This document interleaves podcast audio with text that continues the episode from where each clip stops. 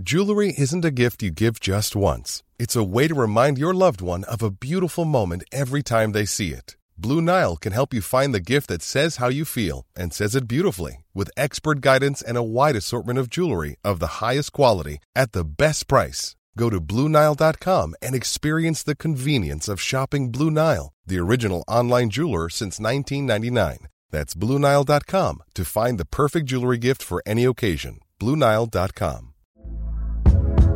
Hey there, it's Michelle Norris. I'm host of a podcast called Your Mama's Kitchen. When I travel, I'm usually looking for a way to find a taste of home when I'm not at home. And one of the things I love to do when I am at home is entertain. And Airbnb allows me to do that. When I was in California recently, I rented a house that had a great kitchen. And when we were sitting around the table, we we're all thinking, we're in someone else's house. Someone could be in all of our homes as well. If you have a home, but you're not always at home, you have an Airbnb. Your home might be worth more than you think. Find out how much at airbnb.com/slash host. Burrow is a furniture company known for timeless design and thoughtful construction and free shipping, and that extends to their outdoor collection. Their outdoor furniture is built to withstand the elements, featuring rust-proof stainless steel hardware, weather-ready teak, and quick-dry foam cushions. For Memorial Day, get 15% off your Burrow purchase at burrow.com slash ACAST and up to 25% off outdoor. That's up to 25% off outdoor furniture at burrow.com slash ACAST.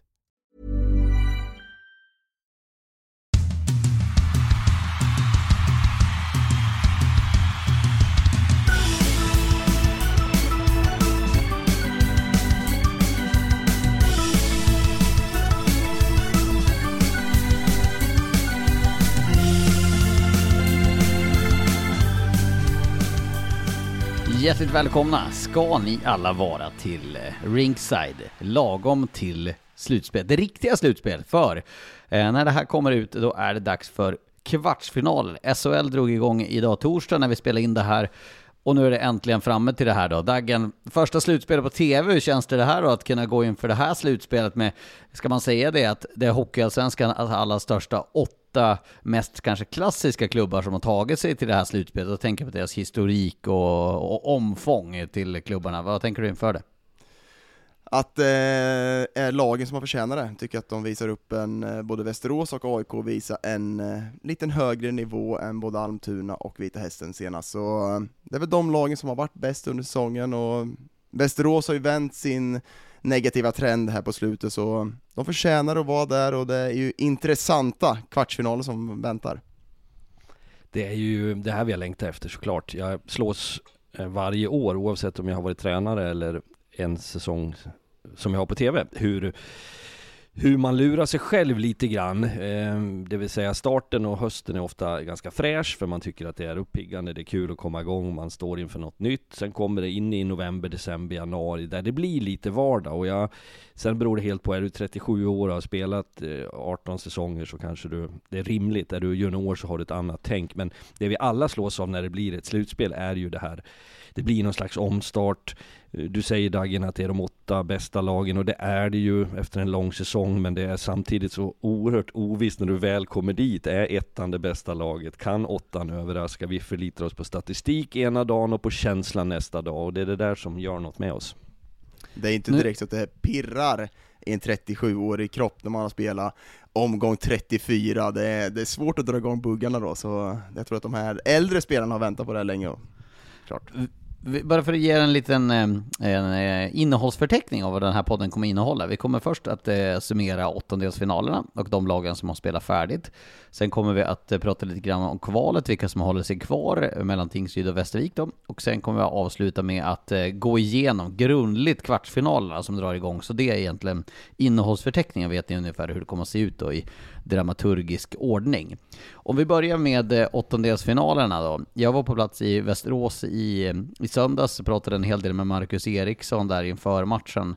Eh, jag tycker att det här är en utdöende art som hockeyspelare, just att kunna spela hockey i låg fart, inte stillastående men väldigt så här, kunna tempostyra matcher. Det är otroligt fräckt det är när man får sitta och se och detaljstudera det Marcus Eriksson gör på planen alltså. Den, den kategorin är ju Alltså det, där, det skulle kunna vara en hel podd, det finns säkert de som pratar om sånt i sina poddar också. Men, men hur utvecklingen av unga hockeyspelare ser ut och det man gör med ungdomarna, de är ofta, eh, jobbar i hög fart, man är duktig med händer och fötter det som förr var klassiska centern eller klassiska hockeyspelare, om vi pratar 80-tal, så det gick ju inte fort. Titta på gamla klipp på Youtube på, på elitserien då, så funderar man vad fan har de bromsarna i? För att det såg väldigt annorlunda ut, men jag tycker också som du är inne på Lars, det är befriande med spelare som, som på något sätt eh, sticker ut från det vanliga. Och det där kan ju uppfattas vara en nackdel. Stefan Öhman, idag assisterande tränare i Björklöven, kom ju till Oskarshamn när jag var tränare där från Finland och då vet jag att första känslan jag och flera med mig hade när vi såg honom på is var att helvete det där går inte fort, har han slalompjäxor på sig eller vad är det frågan om? Eh, men det gjorde ju honom skicklig, för han klarade liksom av och var ju en väldigt förståndig hockeyspelare så att i som det blev var det ju det minsta bekymret med honom. Han hade eh, fart som var tillräcklig men den stack inte iväg. Och jag tycker Marcus Eriksson är en sån spelare och det finns väl några till som är, klarar av att parera det där. Linus Klasen kan ju också ha, det kan se sekt ut ibland men då klarar man istället av att göra det så. Mackan Eriksson Niklas Olausson är, är lite ja, i det skrået också. Verkligen, men jag Marcus Eriksson, vi, vi håller på att dö ut den här arten så jag förstår att det, det är tufft för Vi? Vi? Vi sa inte stå still. Vi? vi sa inte stå still, vi sa låg fart. Nej då. Nej, Marcus Eriksson, jag är ju jag är barnsligt förtjust i han, den typen av spelare och hur han har drivit det här eh, Vita Hästen den här säsongen också, och varit ja, tungan på vågen på att de har gjort en, en bra säsong, och vi var inne på det innan säsongen att de hade bättre lag än någonsin, och jag tycker att deras, man, man ska inte kräva mer än av hästen att komma till en åttondelsfinal och göra det bra där. Så väl godkänd säsong och får vi se här, ekonomin är ju väldigt dålig hästen och man får se om de får kvar de här spelarna och vart, vart den här kommer ta vägen. Jag läste idag en artikel där Patrik Degerstedt gick ut och sa ville att spelarna skulle hålla sig lugna på marknaden, men det är inte så lätt för spelare heller att vänta ut ett kontrakt, att hästen ska komma in och Ja, de vet inte om klubben finns kvar. Nej, exakt, och jag är väl lite orolig för hur det ser ut, och det har hållit på ganska länge här nu med att hästen har liksom famlat lite vart man ska gå, och det har varit ekonomiska problem, man har letat efter en, en bra spelartrupp som man träffar rätt på i år, så något har man gjort rätt och säsongen är väl godkänd. Jag träffade för övrigt en liten inflikning där som kan ge hopp åt hästen. Jag träffade en människa på hotellet, i, jag befinner mig i Stockholm, igår, som var en relativt stor sponsor kring Vita Hästen. Eh, så då började vi kort att prata om det här, men då sa han att det fanns också tendenser och tecken på att man jobbade väldigt hårt och att man hade positiva signaler. Det här är, lägg nu märke att det här inte är något inlägg i den officiella diskussionen eller lösningen kring Vita Hästen. Men jag har ju sett och hört allt det ni pratar om, att det är tuffa rubriker.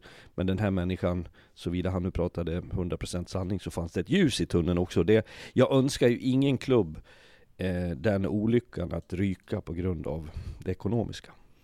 Det snackas ju om att det, jag tror det var 6,8 miljoner som måste in nu liksom för att det ska vara nytt, nytt eh, liv, eh, eller spel nästa säsong egentligen. Och sen, jag vet inte exakt hur det fungerar eh, med elitlicensen och så här, om det ska tas beslut i sommar. Det minns ju när Almtuna fick den här sena platsen när, eh, när vilka, vilka var det som var tvungna att dra sig ur? Nu glömde jag bort det eh, när ett lag föll ur och då fick ju Almtuna ta sin plats eh, mitt i sommaren i princip och det var ju nästan omöjligt att få ihop det där. Mora gjorde väl något liknande också för några år sedan. Vad har vi för lag som har om vi kort ringar in? Asplöven, var det? Asplöven, ja. det var Asplöven försvann, just det. Det var mm. de som försvann, då fick ju Almtuna ta den platsen väldigt sent. Ja. Men äh, vi, vi, kan väl börja med att summera då Vita Hästens säsong och så kan vi ta lite om den åttondelen.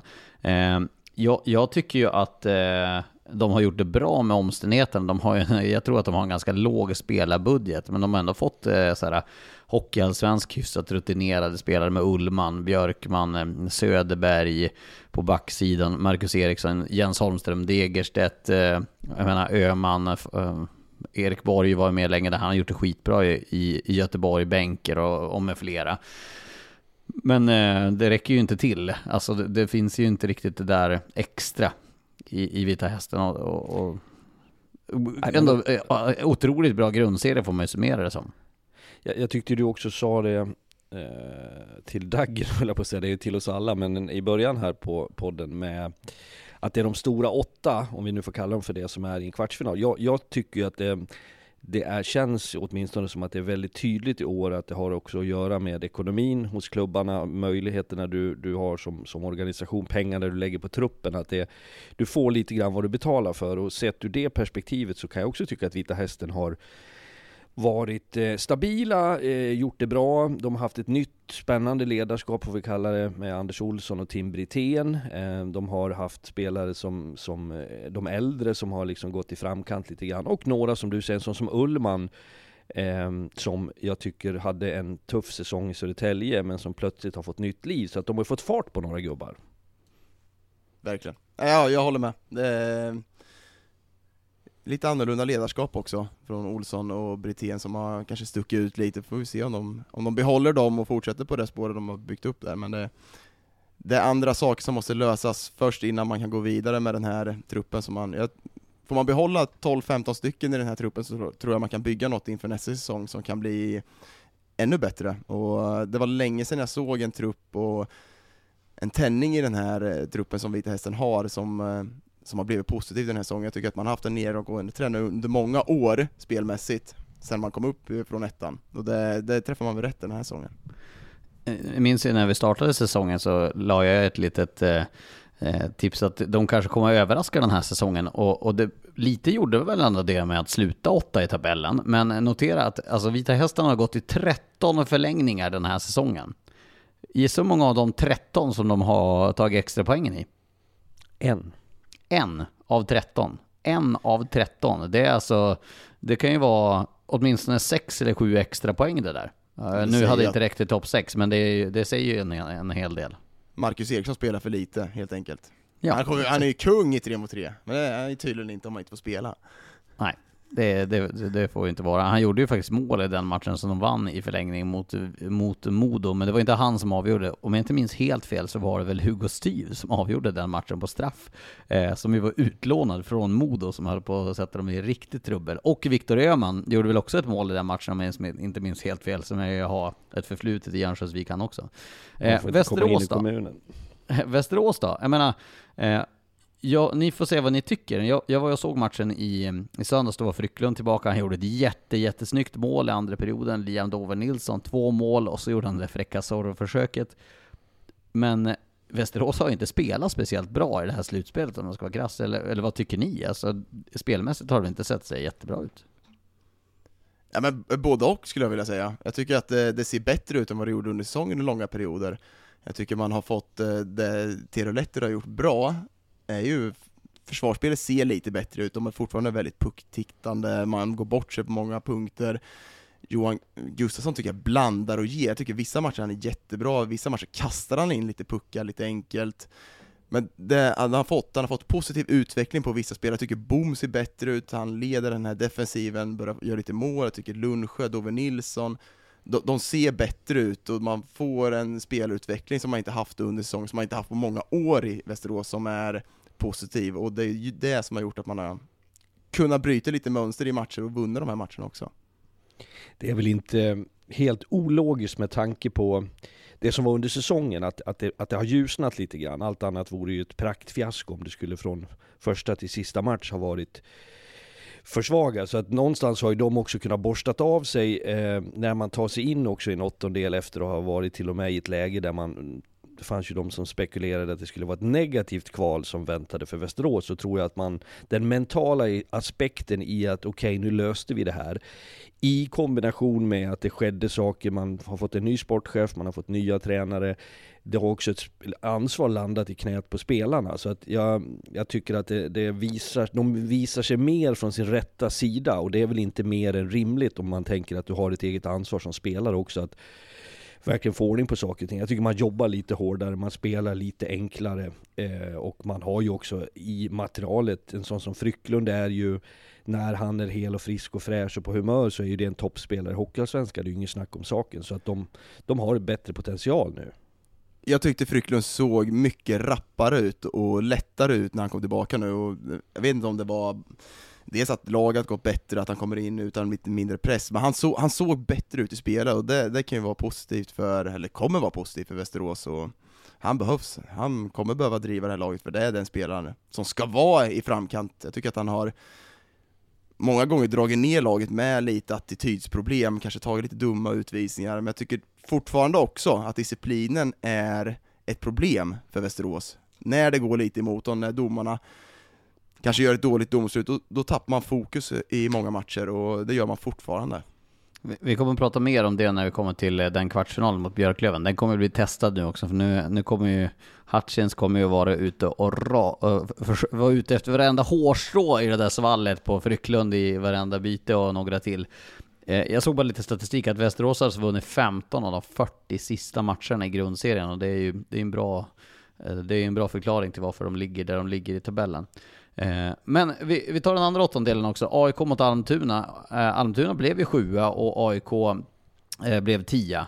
Så man trodde ju kanske att det skulle bli så att, att Almtuna skulle vinna det här, för de har ju ändå imponerat under säsongen. Ni var ju och såg, eller Fredrik, du var på plats och såg den sista matchen mot AIK här nu i tisdags. Vad, vad har du snappat upp av de där två åttondelarna?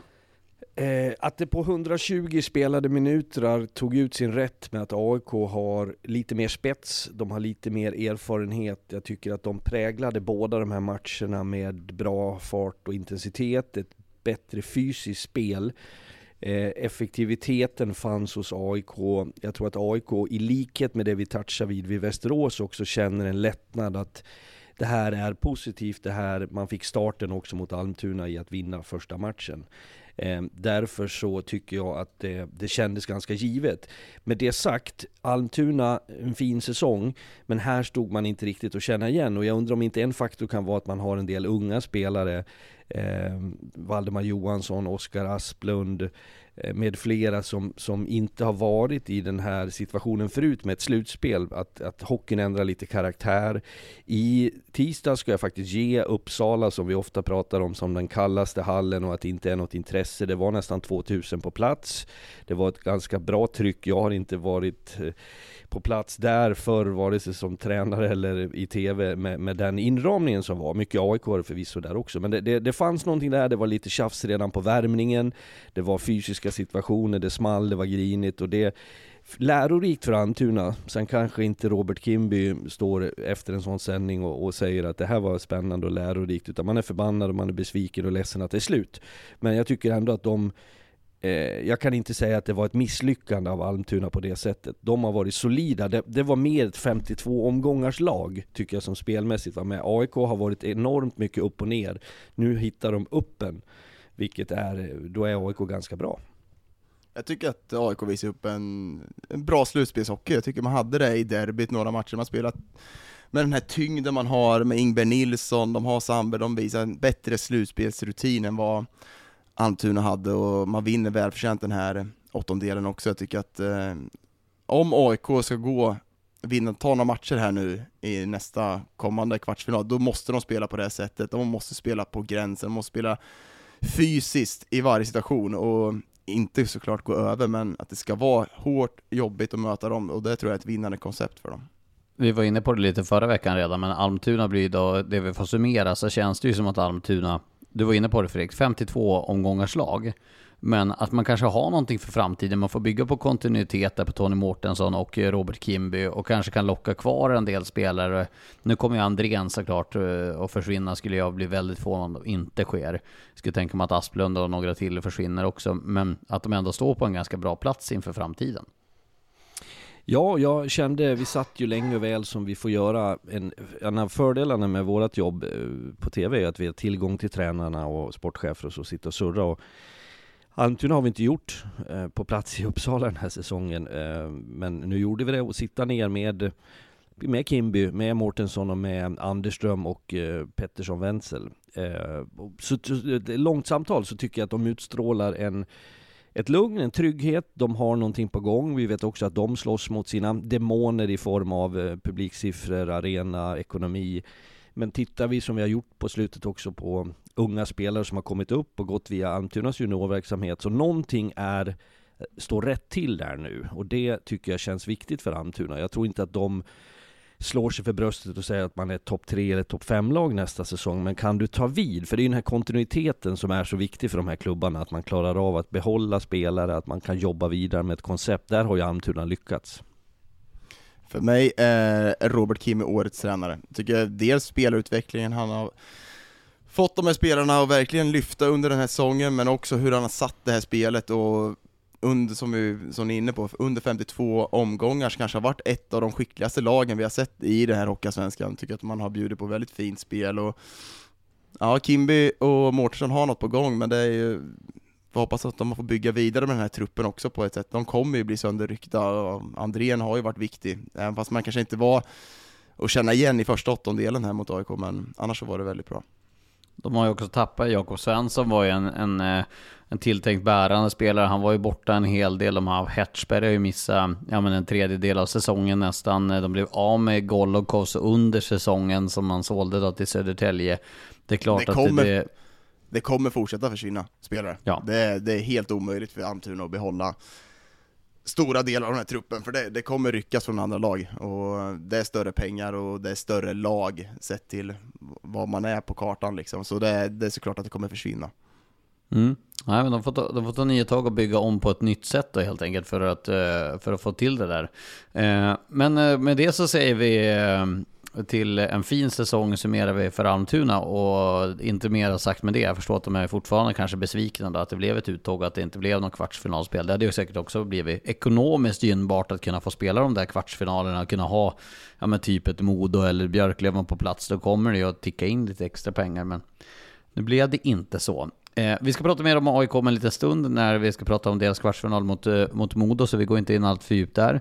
Eh, Västervik mot Tingsryd är ju också nu högaktuellt och vi har spelat två matcher i det kvalet och eh, det står ju nu 1-1 i matcher efter det att Tingsryd kvitterade matchen igår och jag vet att eh, jag och Dagen satt och såg på den matchen. Dagen, vad, vad såg du av den?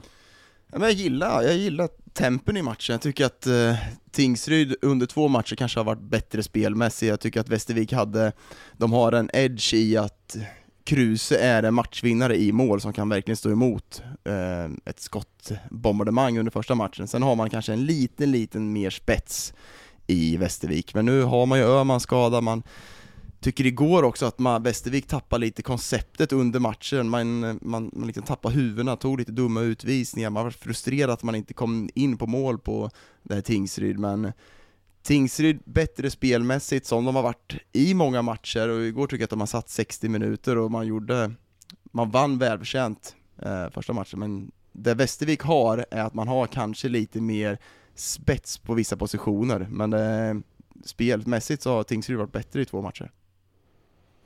Jag tänker också kring eh, Västervik, det faktum att man har eh, en del utländska spelare, även om det har försvunnit ett gäng under säsongen. Jag tänker främst på nordamerikaner och inte, inte norrmän. Men eh, rent historiskt så har jag erfarenheter av och sett lag där som har varit i negativt spel, eh, som med för mycket utländska spelare som kanske inte har för dem, jag menar inte att de inte spelar matcherna till 100% men det kan ju på gott och ont vara så att när du har en tradition och du kanske har spelare som är mer kopplade till orten eller relation till samhället så, så, så, står det mer på spel, vilket i vissa händer, på vissa händer i alla fall, är en fråga om att då kan du ge lite till för att du förstår konsekvensen av att om det skulle gå åt skogen. Utländska spelare eh, har ju sin flygbiljett hembokad som senast dagen efter den sjunde och avgörande matchen. Sen byter man miljö och så var det inte mer med det, det var tråkigt. Eh, jag säger inte att de inte gör sitt jobb, men ni förstår vad jag är inne på där. Ja. Där kanske Tingsryd har till sin fördel en, en längre och större tradition på, på allsvensk nivå. Tingsryd har ju under många, många år eh, mot alla odds hållit sig kvar och gjort det på ett bra sätt. Sen har ju vi spekulerat under säsongen i podden också, vad skulle det innebära att åka ur? Det är ju inte samma smäll som det är för det SHL-lag som tvingas lämna. För där är det ju en fråga om 40-50 miljoner minst som du, som du tappar på det. Medan här är det mer statusen och positionen. Så att jag tror vi ska ta i beaktande att den här hockeyn som vi ser är inte den bästa för att det är också en del ångest i det. Det, det tycker jag man ser också. Sen tycker jag att Ludvig Levinsson kom in i Tingsryd, tycker han bidrog på ett sätt. Nu försvinner Öhman ur Västervik, det är positivt för Tingsryd. Så det, ja, det, det, är inte det bästa spelmässigt, men jag tycker att om man ska bara kolla på de här två matcherna tycker jag att Tingsryd var bättre, men, men jag varit imponerad av outfiten på Winkvist igår. Ja, Josh var med det? Det- pannband och Var det eh, vi måste lägga ut, Hotel eller? vi ska lägga ut den bilden på eh, Rinksides Instagram, för den är ju faktiskt otrolig, hans stuk som han har inför den här matchen med det breda Dock är jag pannbandet. lite besviken på muschen, för den har gått ner i yta. Den, han hade ju Rolf Porseryd-muschen när han skrev på. Den är nu borstad, kammad och lite nerklippt, men den är ändå rejäl. Ja, men Ja. Jävlar, var, satt, i, satt och drack vatten och åh jäklar vilken outfit han kom upp med, Upp- pigga, upp. Den här finns att se på, på Rinksides Instagram när ni hör det här. Då tar jag på mitt ansvar att lägga ut den här bilden, för den är ju faktiskt otrolig. Ja men fortfarande lite ovisst, men du var inne på det Viktor Öhman, det är klart ett jätteavbräck för Västervik om han inte kan spela inte mer. Det ut såg inte heller. bra ut. Alltså det där, så han vreds ju i smärtor, han fick en, det såg ut som att han fick vrid till knät på något konstigt sätt så och det som, jag tror att det blir svårt att se han spela vidare och han betyder ju mycket, inte bara på isen också, liksom trygghet i laget, i omklädningsrummet och med den här rutinen han har. Nej, eh, verkligen. Eh, det känns... Eh, men öppet, eller vad säger du Fredrik? Jo men det är det ju verkligen. Jag ser bara en rubrik här, jag bläddrar på Västerviks tidning. Där Jonathan Åman som är initierad sedan länge där säger att bristande disciplin har Västervik inte råd med. Och det är väl en sån Nej, faktor men- också som man kan knuffa in i de här tiderna att det är lätt att ryckas med, det blir mycket känslor men du får sådana enorma konsekvenser om du Ja men går du över gränsen och delar ut en full propp, skulle du vara borta tre, fyra matcher nu, det är ju liksom förödande. Och det, det tycker jag Törngren visar den frustrationen igår med den crosschecken han visar upp. Nej, det, det, det var något mentalt lite att de inte riktigt, de, de kontrollerar händelserna lite bättre i första matchen och Kändes som att de hade ett väldigt bra övertag med ett bra försvarsspel, men jag tycker alla ska gå in på Elite Prospect och kolla Josh Winqvist profilbild, alltså det är Ron Burgundy.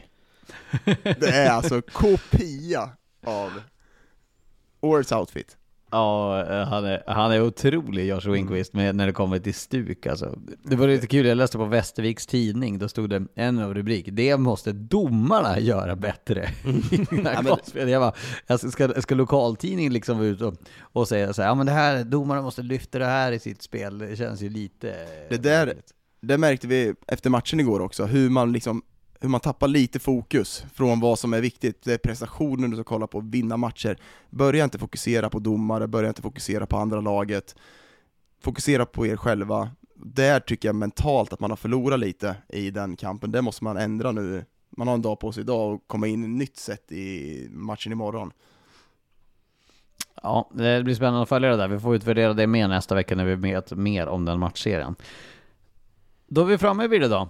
Är ni redo för, eh, för kvartisar? Eller eh, ska vi ha kvartssamtal? Eller vad säger ni? Tycker det, det ena ska leda till det andra, det blir ett kvartssamtal om kvartarna. Jag Ja. är livrädd när du säger det. Ja, nu ska vi utvärdera er säsong här pojkar. Nej, eh, vi eh, börjar med den första då. Eh, Modo valde AIK. AIK var till 10 i tabellen. Eh, Mattias Kalin meddelade sitt val i vår sändning i tisdags. Och eh, Fredrik, vi kan väl börja med, med dig då här. Vad, vad tänker du om att eh, Modo väljer AIK? Vad tänker du inför den här kvartsfinalen? För mig var det väl inte någon sensation, eller för någon, att man gick på, eh, att man skulle gå på, alltså sjunde, åttonde rankade såklart. Tittar man på möjligheterna mot både AIK respektive, eh, jag tror att man har 4-0 mot Västerås. 3-1 mot AIK, då ska vi komma ihåg att den AIK-segern var ju premiären, den där bisarra målfesten som var i Örnsköldsvik. 6-5 matchen är det. Ja, eh, så att jag tror inte att det var, de gjorde det enkelt för sig, vilket är rimligt och logiskt och det tror jag de flesta hade gjort. Jag tänker för Modos del så har man fortfarande inte till 100% bekräftat för mig att man är tillbaks på, på den nivån där vi byggde upp förväntningar kring. Vi, vi behöver inte fastna i det som vi har tjatat så mycket om, eh, Modos svacka och period där man kanske inte var sig lik riktigt. Men jag tycker att det var ett lyft på slutet, jag tycker att man satte ner foten i ett par matcher i sista delen av grundserien och ändå bekräftade sin skicklighet. Så att när man går in, går man in som seriesegrare och därmed också som favorit. Sen att vi med tiden kommer att spekulera kring eh, vilka som tar steget upp, det är en helt annan sak. Men att man ska hantera AIK, ja, rent generellt, och jag säger det här nu innan någon rasar när man lyssnar på det här, så hoppas ju jag att AIK snor några matcher där, precis som jag hoppas att Västerås kommer göra mot Björklöven, för hockeyns skull. Ehm, och jag tror också att det är ett jämnare slutspel som väntar oss eh, generellt och därför så tror jag att AIK, om de kan bära med sig det vi såg lite grann från, från senaste matchen, så kommer man kunna störa Modo. Men ja, Modo ska ta sig vidare och man ska göra det utan enorma problem. Ja, det, det håller jag med om. Jag tycker att Modo har visat upp också den där mentala biten, att man liksom knyter näven efter lite tunga matcher. Tror det stärker dem också inför det här slutspelet, att man har liksom haft nästan lite slutspelstempo de sista matcherna också, att det har stått att man inte går in i slutspelet med kanske 16-17 poäng ledning. Det kanske är positivt för dem att man liksom har haft den här slutspelstempen under några matcher i slutet och tycker nu senast mot Karlskoga man visar upp den här skickligheten men också den en helt annan tyngd, ett helt annat försvarsspel som jag inte sett under försvarsspelet, eller under säsongen som man prioriterar på ett annat sätt. Så tror jag för AIKs del måste man verkligen spela fysiskt mot det här Modo. Det, det går inte, de kommer inte vinna på att spela skickligt. Det, det måste vara det här tunga AIK som möljer på match efter match. Då tror jag man har en chans att ta någon match. Mer än så tror jag att inte de kommer att på det positiva för Modos del är att de har ju fått igång poängproduktion på ledande spelare. Både Niederbach, Halloran och Woods. Ågård har ju börjat producera poäng igen. Ehm, och det här säger jag då innan jag ska komma in på den där tredje kedjan som vi varit lite skärmade av i, i fredagsdaggen. Men ehm, det känns ju ändå som Modo. Och just det här att de har haft eh, lite kniven mot strupen på slutet. Vann ändå fyra raka tre poängar av och slutade nog grundserien med. Och känns ju som att de eh, kanske fi, nu firar de väl kanske lite väl mycket att de vann grundserien efter matchen. Jag tänkte jag när de åkte runt där och jublade. Men, men eh, det känns ändå som att de har fått, fått igång det som de har haft mest problem med under den här svackan. Att de fått igång de ledande spelarna. Fredrik sitter med fingret uppe och får ta vid.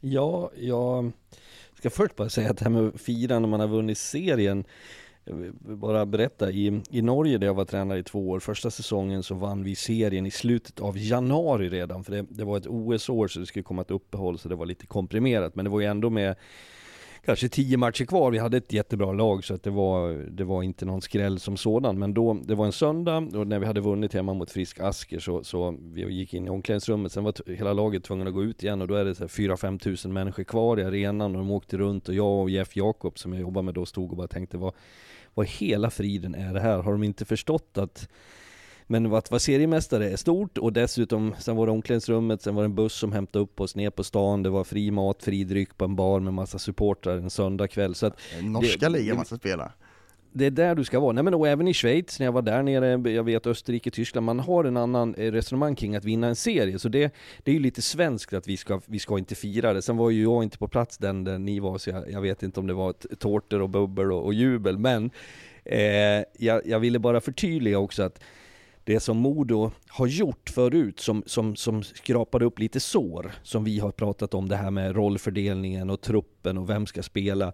Det gjordes ju för att man nu ska få en effekt. Det är det vi ska komma ihåg, det är det som kommer att bli intressant att se om Modo kan spela en mer intensiv hockey, man har fler att välja på, öka konkurrensen någonstans, skickligheten i gruppen när fler är både hotade och har möjligheten att faktiskt spela en viktig roll. Fan vad gött att höra ditt CV där, hur många seriesegrar har du egentligen? I, hur många miljoner har du efter bara varit oljeländer och bankländer? Om det vore så väl, jag vann inte serien i Schweiz, det var inte dit jag skulle komma, utan där vet jag bara att de som vann serien firades. Men i Norge vann vi, då jävlar var det fest ska ni veta grabbar. Då var det eh, gulost och brunost och allt vad man firar med där. Men jag, jag Ja, det, det, var nog en liten lättnad för dem att ta den där första platsen så som det har varit i slutet. Det kändes som att de bara pustade ut på ett sätt som är kanske lite farligt, men jag tycker att de visar en styrka här i slutet med det spelare de visar upp som de kommer in i det här slutspelet. Så Modo blir att räkna med, såklart. AIK har ju ett eh, orosmoln som hänger över sig, det är att deras kanske viktigaste spelare till det här slutspelet inte är i spel. När jag pratar om Rickard Gynge. Det är ju inte bra om de ska klara sig utan han dessutom. Ja, jag noterade att våran kollega och vän Harald Lyckner frågade Anton Blomqvist innan matchen i Uppsala där, lite rakt på sak. Ja, hur är det med Gynge? Då svarade Anton, han är skadad. ja, men han är skadad. Det var liksom ingen överkropp, underkropp, tio dagar, dag för dag, ett halvår, utan locket på. Och det ska vi också komma ihåg nu när vi går in i de här tiderna, att det som förut var öppnare eh, klimat kring eh, frånvaro och närvaro kommer man vara lite mer försiktig med, vilket jag också förstår. Och jag såg en rubrik häromdagen som jag fnissade till på, jag tror att det gällde Djurgården, där eh, KG Stoppel, om han hade svarat så eller om det var journalisten som hade missförstått, för han hade i alla fall sagt gällande en spelare att det var en nederdelsskada. Och det, det var ett nytt uttryck för mig. Man har ju hört överkropp och underkropp, en nederdelsskada. Sen måste, måste ju AIKs Lundström måste vara på topp, alltså topp, topp, topp, för att de ska ens kunna rå på det här modet. För det kommer vara ett, alltså ett offensivt Modo som kommer gå på, framförallt de två första matcherna här så kommer de gå offensivt. Eh, jag tänker också på, du säger Lundström, men även den gode Endre tänkte Endre. jag. Endre, jag kommer ihåg förra året eh, när, då fick ju han eh, oväntat kliva in i semifinalserien var det väl mot eh, Ja, mot mot, mot, Modo, just det. Han fick kliva in där när Voutilainen blev skadad. Han eh, blev skadad i en situation där. Ja, De väldigt verk, bra. det, men det verkar ju som att de går på Lundström här nu. De har stått två matcher. Det verkar som att han kommer stå. Ja, exakt. Det, vi får väl eh, rimligtvis dra de slutsatserna efter de signalerna. Eh, men eh, vad ger ni AIK för chanser då? Liksom, eh, du var inne på det Fredrik, att de, de behöver ta någon match för att få lite eh, mod i det här. Men är det liksom, tippar ni 4-0 eller vad tippar ni? 27,2 procent. Eh, alltså jag räknat. Nej då. Nej, jag tänker ju att det är Modo som ska ta det där. Eh, 4-1 kanske det skulle vara det logiska. 4-2 är ingen omöjlighet. Eh, sen är ju jag den första att säga att allt annat än det logiska är väldigt uppfriskande och eh, vi har sett det för Förra året så sa man ju till exempel, bara som att dra en parallell, HV71 Västervik i en kvartsfinal, det skulle ju vara 4-0. Vi var och skulle göra den fjärde när HV skulle stänga. Eh, när det står 3-0 till HV och eh, Västervik vänder till 4-3. Det var för övrigt då jag plockade målvakten i HV, Jonas Just det, det var Gunnarsson. då du tog ut Jonas Gunnarsson. Utan på framgång dock, för det, det vart en femte match. Så att, eh, det är svårt att städa av ett lag. Så bra är ju inga i, i Hockeyallsvenskan. Nej, jag tror att man, eh, man nyper någon i AIK, det, faktiskt. Men i Modo, superfavoriter. Och Som de som- ska vara, de här topp 6-lagen har ju allt, en, om man bara kollar poängmässigt så är de, de har en an, helt annan nivå. Eh, och jag tror att det är väldigt få som kommer att säga något annat. Att eh, det finns ju väldigt, väldigt små chanser för AIK att vinna den här matchserien. Men eh, de, de finns fortfarande, eh, även om de kanske inte är 27,2% som Fredrik skojade om. Eh, vi får se vad som händer där. Men, men, eh, men tungt favoritskap på Modo, något annat vore konstigt. De får ju också tillbaka Marcus Vela, eh, Modo. Han är tillbaka i träning. Eh, nu läste jag med Josh Dickinson, vi hade honom som gäst i, i fredags, eh, Daggen, och jag spelar inte. försökte gräva, men han kommer inte att spela nu i starten på kvartsfinalserien, det, var, det kunde vi läsa ut i alla fall. Ja, det kändes ju inte positivt när vi pratade med honom. Om man sen, alltså det var inte, och när vi pratade lite med tränarna innan också så var det väl Känslan var att det kommer ta tid att få tillbaka honom. Ja, jag, jag tror att han kommer att missa åtminstone första veckan, eller första tre, tre fyra matcherna av den där kvartsfinalserien. Eh, minst de två första är ju magkänslan, men sen får vi väl se vad som händer där. Eh, men Vela tillbaka i alla fall, det, det är ju ett styrketecken för, för Modo. De har haft lite frånvaro nu också. De har ju avstängning på Oskar Pettersson är fortfarande avstängd. August Berg är fortfarande avstängd, kommer vara det i första matchen också nu på fredag. Eh, men med det så, är det något ni vill tillägga på den, eller ska vi gå vidare till nästa kvartsfinal? Move on! Move on till Björklöven som valde Västerås då. Ett Västerås som ju slog ut Vita Hästen. Björklöven blev tvåa i grundserien. Avslutar grundserien med nio raka segrar och kommer då in till den här kvartsfinalen med vad då för favoritskap mot Västerås? För ordet favoritskap lägger jag in som värdering i den frågan, för det vågar jag faktiskt göra. Stort favoritskap.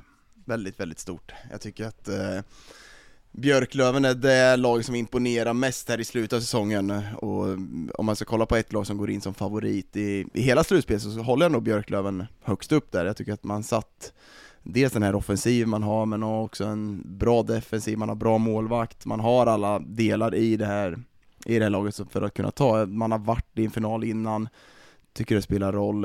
Ehm, ja, Lökes intåg, det finns mycket som är bra i, i Björklöven. Och sen för Västerås del, de, de måste verkligen sätta en def, defensiven på ett helt annat sätt. Jag tycker att eh, jag tror att man kommer backa hem mycket och försöka tajta till mittzon som man har spelat många gånger. Men du måste våga gå fram lite också, för att liksom få lite press på Björklöven, för att backa hem, bli passiv. Jag tycker att när de gör det många gånger blir de alldeles för passiva. När man tar det i mittzon, blir passiv i försvarszon, det blir svårt för dem, för de kommer komma sköljande hela tiden Björklöven, och det, man måste sätta defensiven.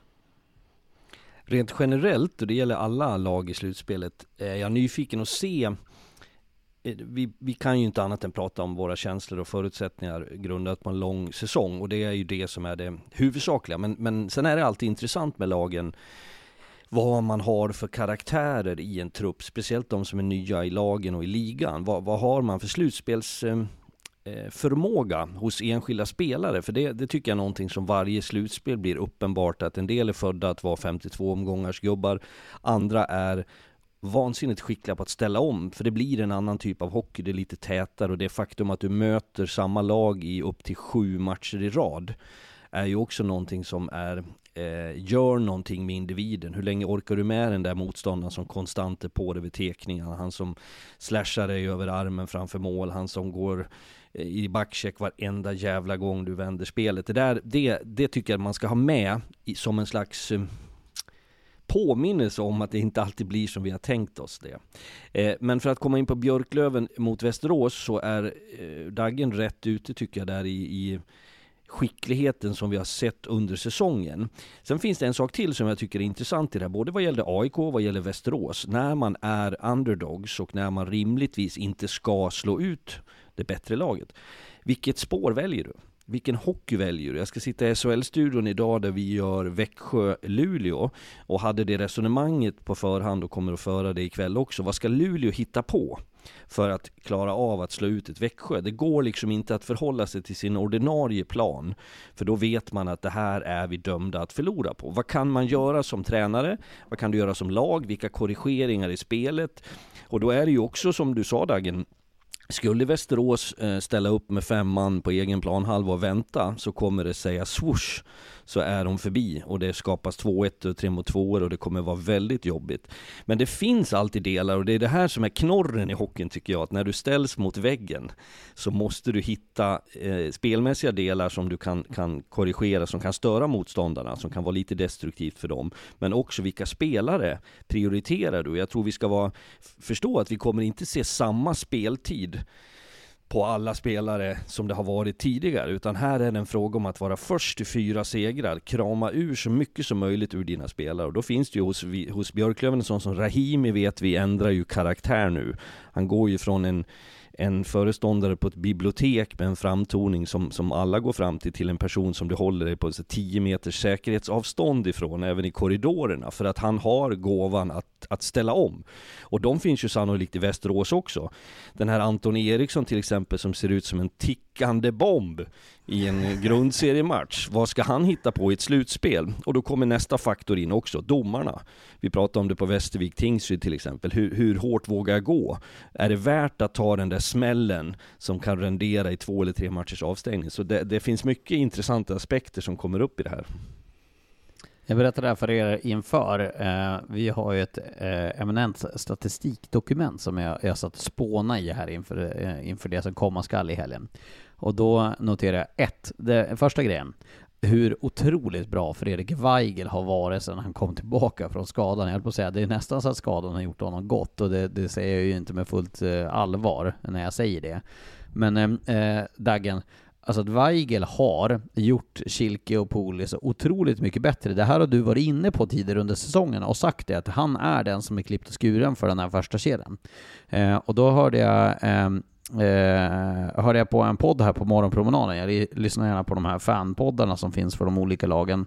Eh, då var det Navid Dil som håller i Björklöven-podden som berättade att, eh, att Fredrik Weigel med Kirki och Puli att eh, Nick Kirki snittar nästan eh, 50% mer poäng med Weigel som center i den där kedjan. Och Kilke, alltså på de 31 matcherna som han har spelat som center eh, med Kilke och Poli, så har eh, Nick Schilke gjort nästan 1,42 poäng i snitt per match. Och hade han hållit det över hela säsongen, då är han uppe på poängrekordet som Tusen. Jonathan Jonsson slog. Nej men det som han, då är han uppe på poängrekordet som han slog för några år sedan. Men med det sagt, Weigel är så viktig för den kedjan. Ja men fruktansvärt viktig. Jag tycker att Schilke Pooley, när inte Weigel är med, det, det, är knappt så att man, man märker dem inte i 5 mot 5 spelet. De gör sina poäng, de, de är bra, de är spetsiga i powerplay, men när Weigel kommer in, då hittar man en kemi, man syns, man driver Björklöven på ett helt annat sätt i 5 mot 5 spelet, och man också gör poäng mer i 5 mot 5 när han är där. Han, jag tycker att han är Weigel har en tendens att han är grym på dels att täcka puck och liksom skapa ytor i anfallszon, men också de här lilla små screenerna som gör att Schilke får mer utrymme, men också en arbetskapacitet som gör att båda de här två spelarna liksom, de kan släppa ner axlarna och inte kanske lägga så mycket fokus i försvarsspelet, för de vet att Weigel kommer ta jobbet. There's never been a faster or easier way to start your weight loss journey than with plush care. PlushCare accepts most insurance plans and gives you online access to board-certified physicians who can prescribe FDA-approved weight loss medications like Wigovi and Zepbound for those who qualify. Take charge of your health and speak with a board-certified physician about a weight loss plan that's right for you. Get started today at plushcare.com slash weight loss. That's plushcare.com slash weight loss. plushcare.com slash weight loss. Burrow is a furniture company known for timeless design and thoughtful construction and free shipping, and that extends to their outdoor collection. Their outdoor furniture is built to withstand the elements, featuring rust-proof stainless steel hardware, weather-ready teak, and quick-dry foam cushions. For Memorial Day, get 15% off your Burrow purchase at burrow.com slash ACAST and up to 25% off outdoor. That's up to 25% off outdoor furniture at burrow.com slash ACAST. Hey there, it's Michelle Norris. I'm host of a podcast called Your Mama's Kitchen. When I travel, I'm usually looking for a way to find a taste of home when I'm not at home. And one of the things I love to do when I am at home is entertain. And Airbnb allows me to do that. When I was in California recently, I rented a house that had a great kitchen. And when we were sitting around the table, we we're all thinking, we're in someone else's house. Someone could be in all of our homes as well. If you have a home, but you're not always at home, you have an Airbnb. Your home might be worth more than you think. Find out how much at airbnb.com slash host.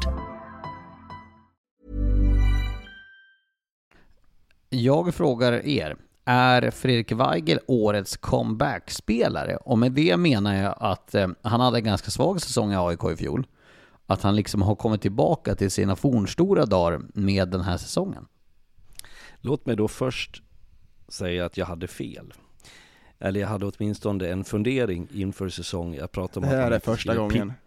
Nej, många gånger jag brukar erkänna mina misstag. Eh, ja, det har man ska förut. inte pippa med sina ex. Eh, och i det fallet så var, ställde jag den funderingen kring Weigel. Eh, och det grundar jag naturligtvis på vad han gjorde i AIK. Men det här tycker jag är så intressant att det, det bekräftar återigen att det handlar väldigt mycket spelares förmåga att prestera handlar om miljön du befinner dig i. Spelsättet, coachningen, ledarskapet, omgivningen, vi pratar Weigel, vi pratar i kombination med, med andra spelare, han lyfter folk, han, han, det där är så oerhört intressant och jag blir glad varje gång om jag först förhåller mig till siffrorna om att han gör andra bättre, att det bekräftar förmågan som hockeyn har, att det är inte längdskidåkning fem mil, en åker och man ska pinna på och vinna, utan det här är också hur gör du andra bättre i ditt sätt att, att spela, fördela pucken, positionerna på isen, sättet du är i båset och i omklädningsrummet och det tycker jag att Weigel har levererat i. Sen ska det bli jätteintressant att se honom i ett slutspel, för han är också en av de som jag han kan gå från, kommer du ihåg här relativt nyligen Lars, när vi var i Umeå, så kom han och vad jag förmodar är hans sambo svepandes mm. ner genom båset. Ja. Och hade jag inte vetat bättre så hade jag trott att det var Tom Cruise och Jennifer Lopez eller något sånt där som skulle till Hollywoodgalan. Vad sa du? Han har skinnpaj på sig eller? Nej men näst, hon, nej jag ska inte kommentera deras kläder, de, de såg väldigt stiliga och eleganta ut och de var, det, det finns någon aura över honom som är eh, säkerligen både frustrerande för motståndarna, för han, han har ett smile på sitt ansikte och är svart i, i ögonen liksom. Men, han har, men skickligt. Får jag han har rockstar aura. Rockstar aura har han. Ja men det har han lite grann faktiskt. Mm. Du, du Dagen, du har ju mött Weigel. Eh, mm. Alltså jag får ju, nu drogs han med med Anton Holm som har eh, en uppsyn som inte är eh, folklig kanske, om jag ska vara snäll. Han har ju en jäkligt dryg uppsyn, Anton Holm, och drog man kanske med Weigel i det, i det där skrået. Men, men Weigel känns ju som en riktig grinpelle på isen att man kan bli ruskigt förbannad på Weigel hur han beter sig. Ja men både och skulle jag säga, han, kan, han går ju som eh, Dr Jack eller Mr Hyde ibland, i ena stunden kan du stå och prata med honom och sen två sekunder senare kan du få en, en klubba uppkörd i, i magen, så han, han kan ju vända så snabbt och det tänder ju till och det, jag, men jag har alltid varit förtjust i Vagel, jag sa innan säsongen att jag tror att han kommer bli grymt bra i det här, jag tycker att han de, hela, hela mm, den kedjan förra året hade det tufft liksom i AIK, och jag tycker att man ska inte dra ner honom för den säsongen. Jag tycker att han har en nivå som är en av de bättre i Hockeyallsvenskan, så det har han kommit upp i och det här liksom flinet, du vet han, han har gjort några poäng, han har varit slashat någon på vaden, han skrattar lite mot båset. Ja men du vet, ja, men jag har alltid uppskattat en sån motståndare, men det är ju, du vill ju bara slå honom på käften ibland alltså. I, jag ska berätta, när jag var tränare i Oskarshamn och han spelade i Södertälje så fick han spelet och klev in i båset efter ett byte, klöv en stor plexiskiva där längs med kortsidan bortanför bänken. Det bara sa, jag vet inte hur stor den där är, men det, det är en rejäl pjäs så att jag vet att det gick en faktura från Oskarshamns kommun till Södertälje Sportklubb som jag gissar landade i hans knä. Eh, tränare var Mats Valtin. Eh, som det också ja. finns historier kring. Så att eh, han kan bli han arg. Lugn, men det, ja, Mats Valtin, lugn och sansad och vi har pratat om Mats Valtin och din historia Fredriksson tidigare. Men det goa, fin man, det, vi bor grannar nästan nu.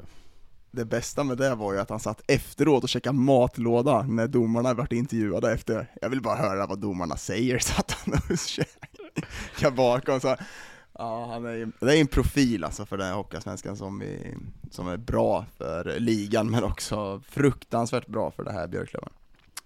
Nej, han ska vi hylla till skyarna för jag tycker att han har gjort en otroligt bra säsong, eh, både innan skadan och efter, kanske ännu bättre efter skadan, om det ändå bara blev tre matcher i grundserien.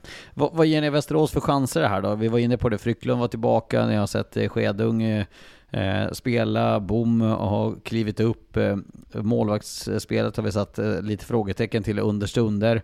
Eh, Dover Nilsson och Simon Robertsson tycker jag, jag personligen om jag ska värdera, har gjort eh, strålande insatser i, i Västerås under stunder av säsongen. De två, det tycker jag, vet att vi pratade om det när de hade landat där, att det, det var smart rekrytering. Ehm, även om det inte är färdiga hockeyspelare på högsta nivå än, så har de den här äh, passionen som unga lovande spelare har. Det tror jag har satt fart lite grann på några västeråsare som kanske har accepterat sitt öde den här säsongen att vi är inte så bra. Så att det har bidragit där. Jag säger bara att jag ser det i likhet med det AIK kan göra mot Modo. Det vill säga kan man stjäla två segrar så tycker jag att man har gjort det bra. Men Björklöven är klar favorit. Vad har du för procent här då? 29,6 enligt ah, mina beräkningar. Jag tittar här på väggarna. Mm. Nej, jag skämtar för de som är rasande nu så, så det finns det inga siffror men Nej men jag, jag, skulle nog hålla med Fredrik där, kan man nypa några matcher och jag tycker, går man in i de här kvartsfinalerna med att man ska backa hem och vara passiva så tror jag att man är farligt ute. Jag tror man ska försöka ändra lite och sätta press på Björklöven och verkligen försöka direkt i match och ta kommandot, inte låta Björklöven ta det, för det, då tror jag man är farligt ute. Jag, jag, tycker att Björklöven är i en klass för sig i Hockeyallsvenskan när det gäller effektivitet och förmåga att hantera tre mot två situationer, två mot ettor. Så ett enkelt sätt att prata hockey är att vara på rätt sida, att du inte bjuder på, det, det är jag helt övertygad om att Västerås eh, med, med, nya tränare som också känns lite traditionellare i sitt sätt att tänka på, så kommer det vara en faktor. Men som du är inne på Dagen, det är så hårfin skillnad mellan att vara förståndig eller att bli försiktig. Eh, och hamnar man på den här försiktighetssidan så kommer det gå undan, då är det jobbigt. Men eh, låt dem spela och, om det. Och går du fram för mycket så tappar du folk långt fram i, i anfallszon, tre man bakom förlängda, då smäller det i baken, då kommer det 3-2, 4-2, för det går snabbt när, när de här Fortier, Kilki, Puli, alla de kommer. Eh, Björklöven är ju hyfsat skadefria dessutom. Nu Jesper Lindgren spelar ju inte, det vet vi om. Eh, och eh, Badouan Badouin har ju varit frånvarande här lite på slutet, men jag läste rapporter här under morgonen att det, det låter inte som att de ska vara frånvarande när kvartsfinalserien drar igång. Eh, man har ju fortfarande Elliot Ekmark utanför laget, Oliver Johansson som var skadad tillbaka i Timrå och spelar J20 hockey där. Eh, men det måste ju vara också en otrolig betydelse att komma in till skillnad från i fjol där de hade en hel del skador. Nu är de nästan skadefria när de kommer in i det här slutspelet.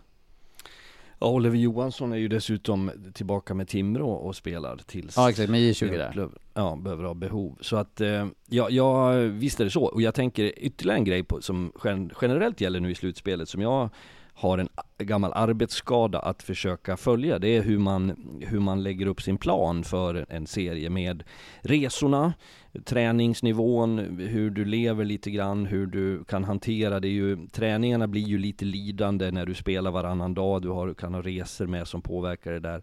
Sen en, en sak till i det, just det momentet med träningar som är intressant, det är att vissa spelar vansinnigt mycket. Eh, lek med tanken att du får en första match i kvarten som går till fem och en halv period. Eh, så finns det de som har spelat, eh, jag vet inte hur många minuter, men 45 minuter. Sen är det någon rackare som spelar 7 minuter. Att vissa måste du belasta hårdare på cykeln eller i gymmet eller på isen dagen efter. Några ska helt vila, någon ska ut på promenad. Det där är sådana faktorer som, som i slutändan också påverkar ett lags förutsättningar. Och när man går in i den här bubblan också, ja, det, ja, nu, nu vill man verkligen spela hockey, man vill vara med i det här, jag kommer ihåg i Karlskoga så hade vi alltid så här, luncherna var uppbyggda, man, man liksom hade ett eget rum, man käkade lunch på lunchstället, man gick in, man åkte bussen, det var, man får ett helt annat fokus under de här perioderna. Och den, den här tiden är så fruktansvärt underbar. Nu börjar det också, det blir lite bättre väder ute och då är det slutspelstider. Jag tycker att det var bedrövligt när det var snö ute, så nu börjar solen komma, det börjar bli lite varmare man går in i den här bubblan, det är, som hockeyspelare och som att vara i ett lag är det här en grym tid att vara i.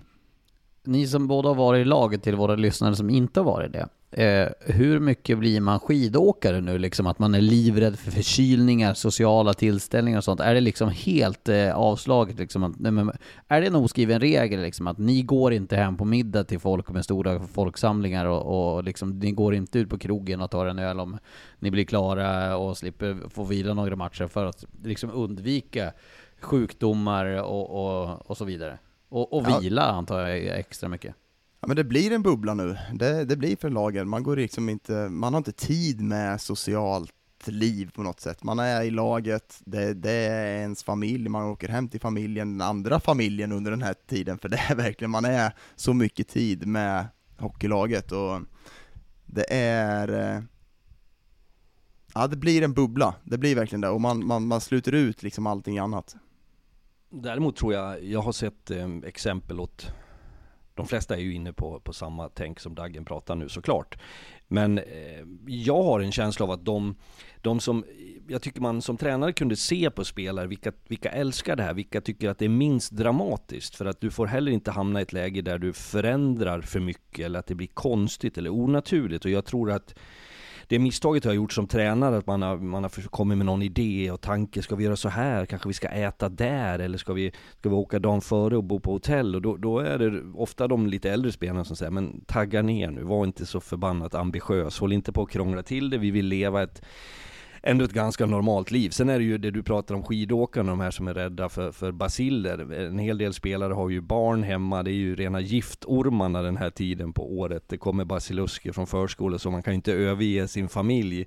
Eh, så att eh, jag, jag tror att du har alla tänkbara det finns ju ingen given regel i det där, så kan man väl säga. Jag för mig, eh, Björka, eh, Henrik Björklund förra året, bodde på Karlskoga hotell under många nätter.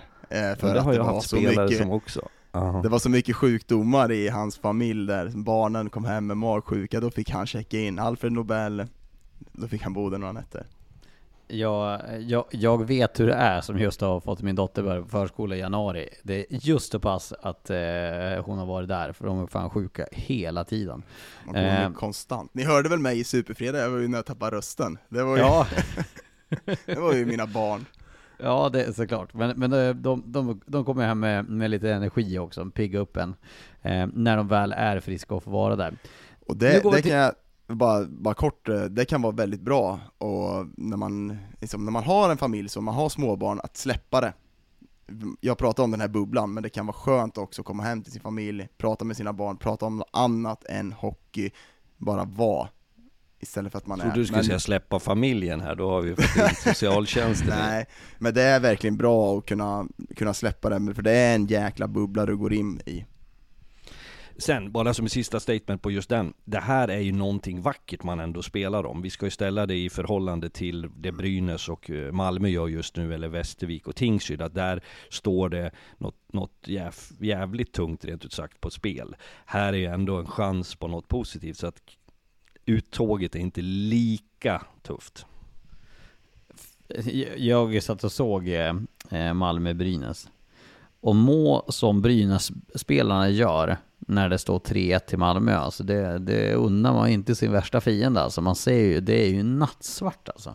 Lika fördelaktigt det är för Björklöven att ha varit i mycket finaler, lika illa och lika jobbigt är det för Brynäs för att man har varit i den situationen innan, så det är negativt för dem att ha varit där, de vet hur det känns. Björklöven har, Björklöven har ju som du säger, tre raka finaler. De är ju finalproffs på det här numera.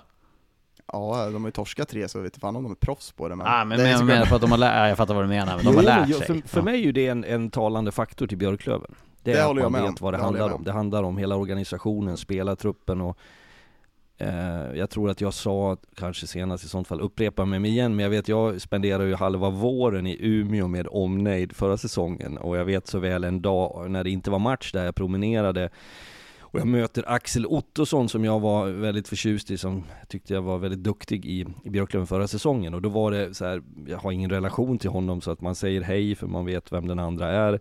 Men då kommenterade vi båda på den här träbron över Umeälven, Lars, du som bor i trakterna där, där man cyklar och promenerar som går parallellt med bilvägen över. Ja, just det. Ja, jag bara mm. träbro. Jag bara, ja, men det är inte trä, jag får för mig det. Ja. Att det är trä, ja. Eh, och då var det så här, liksom, typ god dag, god dag. Fick ett strålande väder, det kändes som en gammal pilsnerfilm från Södermalm. Men just att de killarna där och då vet hur det är att spela den tiden på året. Att det blir en, hockeykroppen är inställd på augusti kliver du på is till att mars händer det grejer, det kan vara slut. Men att ha varit med länge, det är banne med en, en erfarenhet som Löven kan ha nytta av. Man märker ju på publiken också i Umeå, att de har varit där och de, jag tycker att de har, skrattar, de har Sveriges trevligaste som jobbar på flygplatsen i Umeå, han som står i, när man kör in väskan. Han, han mm. brukar alltid säga till mig så säger han, jag hoppas att ni kommer hit igen nu, men det är, du vet, de, de klarar nog inte av ett till misslyckande. De är verkligen, de måste ta det nu och det säger en del om vilken press de har också, spelarna, att de har varit där, de ska göra det nu. Är Modo eller Björklöven eller Djurgården favoriten eh, nu? Ja, jag håller ju Björklöven lite högre upp. Tycker att de ser lite bättre ut. Och det har jag hållit hela säsongen, även fast Modo haft den här super... Han borde skydda dig själv plötsligt utan att någon ens attackerar dig. Nej. Kommer med sköld och rustning i den här ja. diskussionen. Nej men jag tycker faktiskt att Björklöven har någonting, en edge, som eh, de inte de andra lagen har, men de har ett, de är, de är lite favoriter. Vad säger du Fredrik? Jag tippade väl, det gjorde vi kanske de flesta, eh, Björklöven som eh, seriesegrare och Björklöven som det lag som tar SHL-platsen. Sen är jag uppriktig med att hösten var väldigt fin från Modos sida. Eh, med det sagt inte att, att Björklöven var borta ur leken. Björklöven har varit väldigt anonyma under säsongen sett till att det inte varit så mycket konstigheter. De har inte haft några stora svackor. Eh, de har smugit på det, tuffat på, så att de håller ju uppe sin nivå. Sen tycker jag, jag, jag har inte någon eh, jag tänker att det ska spelas om det, men har jag tippat Björklöven så, så har jag ju tippat det. Jag tror ju, känslan idag, innan det sätter igång, är att det kommer vara en finalserie mellan Modo och Björklöven. Det är dit jag sträcker mig, även om jag vi ska ju gå vidare på lag här nu så jag ska inte förekomma någonting. Jag släpper det till dig Lars. Ja, för vi tar ju då det som stack ut mest i tisdags och det var ju det som eh, det började vara lite surr runt om i Hockey-Sverige. Det känns som att spelarna i Södertälje hade fått höra det på något sätt via spelare i Karlskoga eller via spelare i Djurgården som eh, det pyttrade ut lite grann. Och så sen då helt plötsligt så, så blev det det där. Johan Hedberg står i sändningen och väljer Södertälje istället för ett Karlskoga som har gått väldigt tungt på slutet. Eh, till att börja med en spontana reaktion bara på att de inte väljer det givna valet, det lag som är sämst placerade, utan väljer Södertälje istället. Nej men det piggar väl upp lite, jag tycker att det var eh, lite roligt att eh, Hedberg och Mora väljer. Jag förstår det, men jag förstår det inte heller på ett sätt. Jag, jag tycker Karlskogas form i slutet, vad de har visat upp, skulle tyda på att Mora hellre skulle möta Karlskoga. Men däremot, under en längre tid, spelmässigt så har Karlskoga haft ett övertag mot Mora. Man slog ut dem i, i, i slutspelet förra året. Det sätter sina spår. Ljunggren, Persson, eh, Karlsson, de har det här i bakhuvudet, att det är tufft att möta Karlskoga. Det finns grejer i Karlskoga som inte Mora, som man har respekt för. Så man, och man kollar på siffror, man har lite bättre siffror mot Södertälje, då väljer man det också. Men underskatta inte känslan att det är tuffare att möta Karlskoga, att man har haft lite mer problem och att man blev utslagen förra året. Nu uppfattar inte jag, förlåt att jag är disträ, vad pratar vi om nu? Mora? Mora, att deras val, att de valde Ja. Södertälje. Ja, eh, om vi gör det först så säger väl jag egentligen inte så mycket annat än att eh, de har förmodligen bekräftat sina känslor kring, alltså det som, om vi börjar med det som icke är statistiskt, för det tror jag man ska ta med i beaktande. Vad har vi för känsla när vi har mött de här lagen? Vi har två olika lag att välja på. Hur tycker vi att matchen har varit? Vad har vi fått för eh, respons på vårt spel i förhållande till motståndarnas spel? Vad har vi stängt matcherna för för känsla? Har vi, har vi haft grepp? Har vi kontrollerat? Sen har ju saker och ting skett i bägge de två eventuella motståndarna där. Du är inne på Karlskoga Dagen som, som eh, har, ah, känns, känns lite stökigt. Man sitter med en tränare på utgående kontrakt. Ibland sker ju det att den tränaren som gör det också du blir en lame duck som man säger med en, en, en president som inte kan bli omvald i USA. Det vill säga du, du kan inte göra så mycket för att spelarna Ehm, i det här fallet, de har sin egen idé. Skulle kunna påverka, jag säger inte att det är så. Å andra sidan har du ett Södertälje som har blivit av med Linus Videll som, som är högt skattad av oss alla och som var kanske den stora kärnan i SSK. Räknar man bort hans förmåga där så kanske det drar ner totalen, eller det gör det på Södertälje. Och sitter man dessutom som vi gör idag, jag tycker det är värt att säga att det är inte kanske alla som har koll på det där, men, men idag är klubbarna väldigt uppdaterade kring siffror på ett sätt som gör vissa hockeymänniskor frustrerade för man tycker att det är för mycket siffror och det är, har inte betydelse och det är teori. Men det är ändå väldigt mycket statistik som säger vad, hur lyckas vi med vårt spel? Vilka punkter är det vi är starka på emot det här laget? Så att jag tror att det, det Mora har gjort för att klargöra, det är ju inte att man har dragit upp en lapp ur en hatt eller att någon har sagt att vi kör väl på Södertälje, utan jag förmodar att det är väldigt väl genomtänkt och jag tycker att resonemanget från Hedbergs sida kort och gott i den sändningen som vi hade eh, förklarade hur de tänkte och det kastar ju lite bränsle in i det. För jag gissar att Södertälje och någonstans ändå går igång på det. Nu har de där rackarna valt oss. Det ska vi tala om. Så att eh, det är klart att det kan bli tufft. Det röjer om lite tycker jag. Jag tycker vi hade, man, man såg ju fram lite mot att det kunde bli Djurgården mot Södertälje, att det var den typen av kvartsfinal vi kunde få, men jag tror att Karlskoga njuter lite av att få Djurgården, man blir underdog, man liksom Ja, man har inget egentligen att förlora, det är all press på detta Djurgården, de ska bara gå vidare, det är den stora favoriten inför den här säsongen som har lagt mycket pengar på den här truppen. Jag tror Södertälje blir nöjda av att inte få Djurgården, för att det blir en helt annan, det är inte bara en kvartsfinal, det är lite derby, det kommer sättas helt annat spel på. Och jag tror också att Djurgården blir nöjda att inte få Södertälje. Så det, det, liksom, det ruckar om lite mot vad man kanske trodde det skulle bli om man valde de här valen. Och jag gillar att Mora sticker ut hakan lite här och väljer det här, för man, känslan ska man verkligen gå på, magkänslan att man har, att man har kanske lite tuffare mot Karlskoga än vad man har haft mot Södertälje. Men är det, alltså jag, ni vet ju min ställning i det här. Det här är underhållning som eh, jag håller på med från min sida. Och från det sidan är det ju väldigt intressant att eh, Mora gör så här, för det bidrar till underhållningen. Men de gör ju verkligen eh, Södertälje en tjänst här. Det blir ju snacka om extra energi för Södertälje att kunna vara så här, jaha, de tror att det ska bli enkelt att möta oss istället för att möta Karlskoga. Det måste ju också vara en faktor. Såklart, vi, jag var ju med och blev vald förra året mot HV. Eh, de valde ju verkligen oss och satt den andra semifinalen på en, annan. Men det, är- det är såklart det ger en extra krydda eh, för det här Södertälje. Sen är det väl en fråga om att eh, rent eh, matematiskt om vi tittar på tabellen, ettan, tvåan får nu sjuan, åttan, lag tre, fyra, fem, sex. Vi har ju sett hur jämnt det har varit där. Det var väl egentligen Karlskoga bara som hamnade lite isolerat på sjätteplatsen till slut. Så att jag, tror att det är tycke och smak, det är känsla, det är intryck, det är eh, sådana saker som också spelar in. Så att valet är gjort och det är underhållande, uppfriskande och jag ser fram emot de där matcherna. Ska tillägga också med, med det, eh, är ju att eh, Eh, nu tappar jag tråden lite grann här. Eh, men, men om vi börjar med Mora då, till exempel, deras match mot Södertälje. Vad tror ni att det kommer att bli för matchserie? För det är, det är ju ett väldigt skickligt Mora med, med eh, ett stabilt grundspel mot en otroligt stark defensiv i Södertälje också. Men vad tror ni att det kommer att bli för matchserie? Det här är ju för mig en, en matchserie som handlar om Södertäljes eh, solida, stabila, rent av eleganta defensiv om man nu kan säga det. Jag kan ju faktiskt gå igång på lag som spelar samlat och förståndigt mot ett Mora som eh, har under säsongen varit frejdiga, de har varit underhållande att titta på, de har också varit ganska effektiva vilket har varit dilemma tidig höst och även tidigare säsonger. Så eh, jag tror att det kan bli bra hockey. Bra, eh, bra hockey med också mm, känslor och passion naturligtvis. Ehm, en, en mycket jämnare och mer oviss matchserie än de två vi har pratat om tidigare. Eh, om det slutar 3-4 eller 4-3 eller hur man nu vrider på siffror. Jag tror inte, för mig finns det ingen given utgång på det där.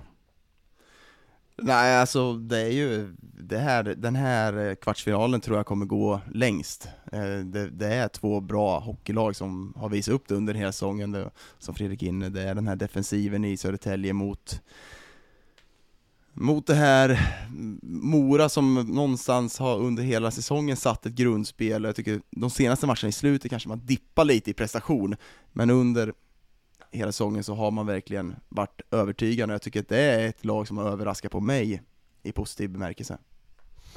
Jag tänker lite grann på så här också, det kan låta lite udda, men det lag som tar sig vidare av Mora Södertälje, förutsatt att det blir den kvaliteten på den matchserien som vi spekulerar runt, har också såvida den inte är sju matcher och oerhört liksom, eh, det, är skador, det är långa overtime så att du är fysiskt trött. Så tror jag att det laget som tar sig vidare från den har fördelar i en semifinalserie av att ha spelat högklassiga matcher. Jag tror nämligen inte att matcherna mellan Björklöven, Västerås respektive Moda, Moda AIK kommer att hålla samma nivå. Är ni med på hur jag tänker då? Ja. ja. Så det skulle vara intressant att se när man hamnar i en semi, för vi vet ju att ett av de två lagen hamnar i semi, så mycket vet vi i alla fall. Men det, det jag imponeras av i Södertälje, jag tycker man har en tyngd, inte bara försvarsmässigt, jag tycker man har en tyngd på, alltså forwardsmässigt, stora, tunga, det borde passa i ett slutspel. Jag tycker att de har byggt ett lag för slutspel, det är den här liksom, men sen så saknar man verkligen den här edgen i att Linus Widell är borta, och det tror jag spelar in också väldigt mycket på att Mora valde Södertälje före Tror du inte de hade valt eh, det här valet om Widell hade spelat? Jag tror verkligen inte det. Jag, det känns inte som att de hade gjort det, för Widells kraft liksom att vinna matcher på egen hand gör att eh, de är tuffare att möta. Nej, det är klart som katten att det är en faktor. Visst fasiken är det så. Jag tror dessutom att vi ska komma ihåg nu jag fattar att inte du Lars kan sitta och säga, du, du pratar om Björklöven, att de var skadefria och sådär, och det, det är ju faktum och sanning nu. Men jag tycker att det är, vissa av lagen har mer kännbara om en spelare skulle försvinna. Eh, ta i Moras fall om en sån som Johan Persson eller Daniel Ljunggren skulle vara indisponibel i en kvartsfinalserie så faller ju i mina ögon de lagen också eh, i procent. Så att det, det, det, ska man ju också ta att det vi sitter och pratar om nu är ju det finns omständigheter som vi inte riktigt vet när det väl puckarna släpps och efter en match eller så. Ja, jag vill bara jag vet inte om det är en känsla jag har för att jag har varit med och slagit ut Mora i ett slutspel, men jag vet inte om Mora är byggt för slutspel lika väl som Södertälje är byggt, med tyngden, med att man kanske kan ändra, man har det här grundspelet, precis som Almtuna har varit under 52 gånger. Men det ska bli intressant att se om de kan liksom trycka på den här knappen att gå in i slutspel, för det, det kommer behöva tryckas på en knapp och kanske ändra, u, ändra lite i det här spelet. Eh, jag har suttit och funderat här nu medan ni har pratat här och nu, nu eh, lyfter jag Du min ser tes. bekymrad ut, jag ja, ser nej men jag, jag, för, för jag, jag ska säga så här att jag, jag höjde på ögonbrynen ordentligt när Mora valde Södertälje istället för BIK Skoga. Eh, och min roll i, i tv-branschen handlar inte om att jag ska säga vad jag tycker. Eh, men, men nu måste jag faktiskt säga lite grann vad jag tror. Eh, och det här är ju vad jag tror. Jag tror att Mora har gjort ett felval. Eh, och det är bara min egna personliga tanke om det här och det, det är vad vi kan ha i den här podden. Men det pratades ju också om att Mora hade väldigt bra siffror på Södertälje som de inte ska ha haft mot BIK Skoga. Och jag säger inte att det här behöver vara en faktor, men jag vet också för de, jag minns en match mellan Mora och Södertälje som spelades mellandagarna. Jag tror att det var 27, 27 måste det vara i december. Eh, där Mora vann tydligt med 6-1 och Södertälje gjorde vad jag tror är det sämsta jag sett Södertälje den här säsongen. Det var en kolossalt usel match av Södertälje. Eh, och den matchen blir ju siffrorna dopade lite grann när du har en sån platt match. Och då undrar jag om det liksom kan ha lurat Mora lite grann, att de har gått igenom och sagt ja, de kanske inte hade med det i beräkningarna. Ja, jag, tycker att det där ska stöpas mer. Jag tror att Mora har satt sig i ett prekärare läge än vad de... eh, eh ja, de vet ju bäst själva, men det är min... Jag tror det. Jag tror att det här var ett felval. Tror du då att de inte vet om den matchen själva? Det är klart de vet, men, eh, men det kan ju också... För det dopar ju siffrorna. Ja, det gör det väl. Men eh, nej, det, det förutsätter jag att man har tagit i beaktan. Men alldeles oavsett, vi kan, vi kan stöta och blöta det här hur länge som helst. Eh, Vi får ju snart veta. Ja, Det är verkligen. känslan. Det är känslan man har gått på. Att det Ja. har varit, man har blivit utslagen av Karlskoga förra året, det har varit tufft att komma till Nobelhallen i många år. Jag vet när jag har varit i Karlskoga att vi har haft ganska lätt mot Mora, eh, och den känslan på Persson, Ljunggren som jag varit inne på, den, den, den är svår att tvätta bort. Men för det som jag också jag tänker på Karlskoga, man ska komma ihåg, det är alltid eh, något drama kring Karlskoga i ett slutspel. Det är alltid någon tackling, någon domarinsats, någon, någon slashing, någon käftning. Eh, och det är ju, jag säger inte det och jag kletar inte det på Karlskoga som något negativt, tvärtom. De har ju lyckats ju förmå att få en slutspelsserie till sin fördel, vilket är briljant. Men som motståndare så, så gör ju det också att det hockeymässiga, det konkreta, det sakliga ställs i skuggan av eh, konstigheter.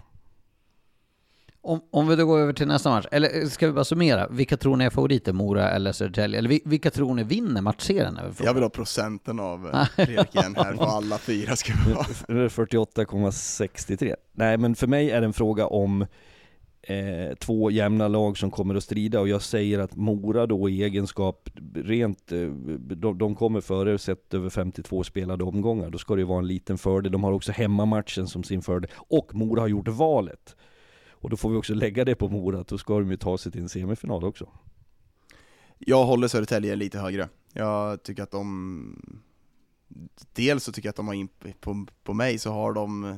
De är byggda för det här slutspelet och jag, jag, jag tror att de är det. Sen ska vi se om de kan plocka fram det också, men jag håller Södertälje. Jag tror det kommer bli en lång match, jag tror det kommer bli sju matcher, och jag tror att Södertälje tar det. Det är den matchserien som jag eh, är mest i, intresserad av att se av rent dramaturgiska skäl, för det är just med tanke på allt som har hänt och liksom styrkeförhållanden och så vidare. Eh, och den här matchserien då eh, blev ju det så att då fick ju Djurgården laget som blev över och det blev Karlskoga. Och vi såg ju Karlskoga i fredagsdagen när de upp, åkte upp till, till Umeå. Vi såg också Henrik Larsson i den där timeouten redan efter åtta minuter, det stod 0-3.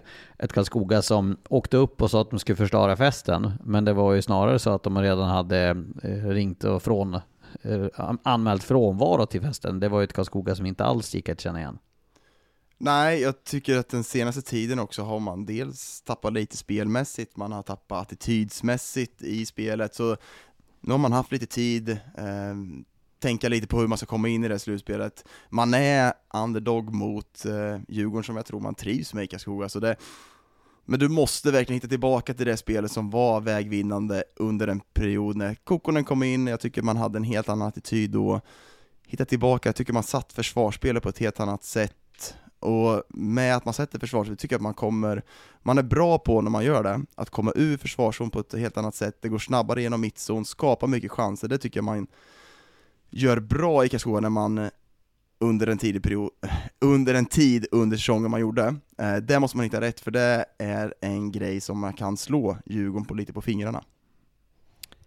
Djurgården är favoriter, eh, tycker jag. Däremot så tror jag att Karlskoga, för att inte sitta och upprepa samma saker som du har sagt Daggen, men det är gynnsamt, det finns ju en aura över Karlskoga att man tycker om att förstöra fester och de är ju, jag vet inte vad ni är uppfödda med där i de trakterna Eriksson, men det känns som att det är en livsnerv att ställa till det för andra.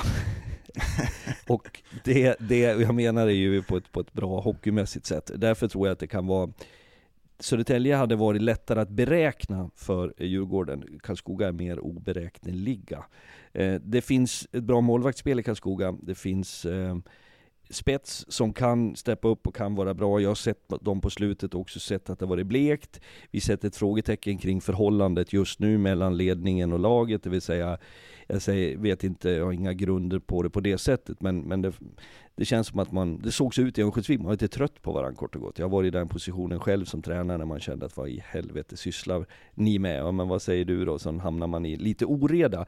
Men Klara Karlskoga av, för det tror jag att är det något lag som skulle i ett slutspel kunna eh, bli stark i grupp, grundat på tidigare erfarenheter och på en historik, så skulle det vara Karlskoga. Och då skulle man kunna eh, eh mopsa upp sig, skulle jag säga, mot Djurgården och på så sätt skapa en, en ganska fräck matchserie.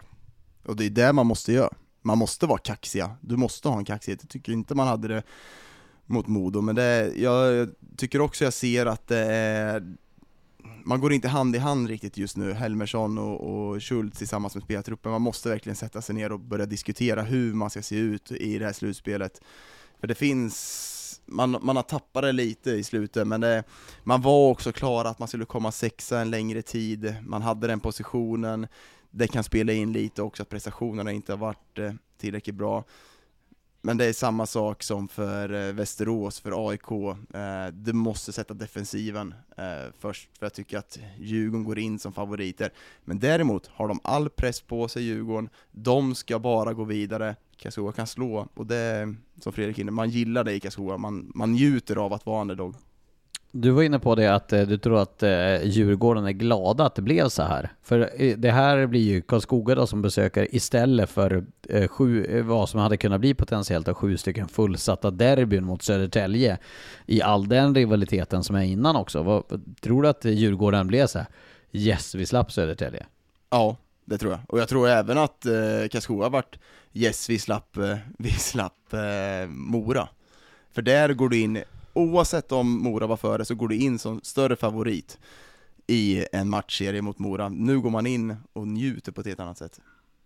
Jag, jag är inte helt säker på det vad gäller Djurgården just med Södertälje, att det skulle ha varit ett dilemma. Det är, det är enkelt, det är eh, 20 minuter mellan hallarna, det blir mycket folk, det blir eh, och där tycker jag att Djurgården har spelare som klarar av att hantera det mer än vad Södertälje har i så mening att Tar du Kryger och, som ett exempel på en spelare som har varit på absolut högsta nivå så, så kan man kontrollera den där typen av matcher med fullsatta arenor. Det är inte lika sexigt att möta Karlskoga på det sättet.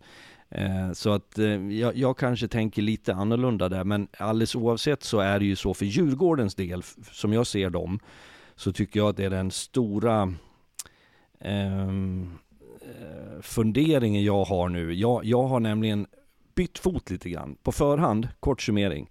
Djurgården skulle tillbaka. De var ett av lagen vi absolut trodde stenhårt på under sommaren och tidig höst.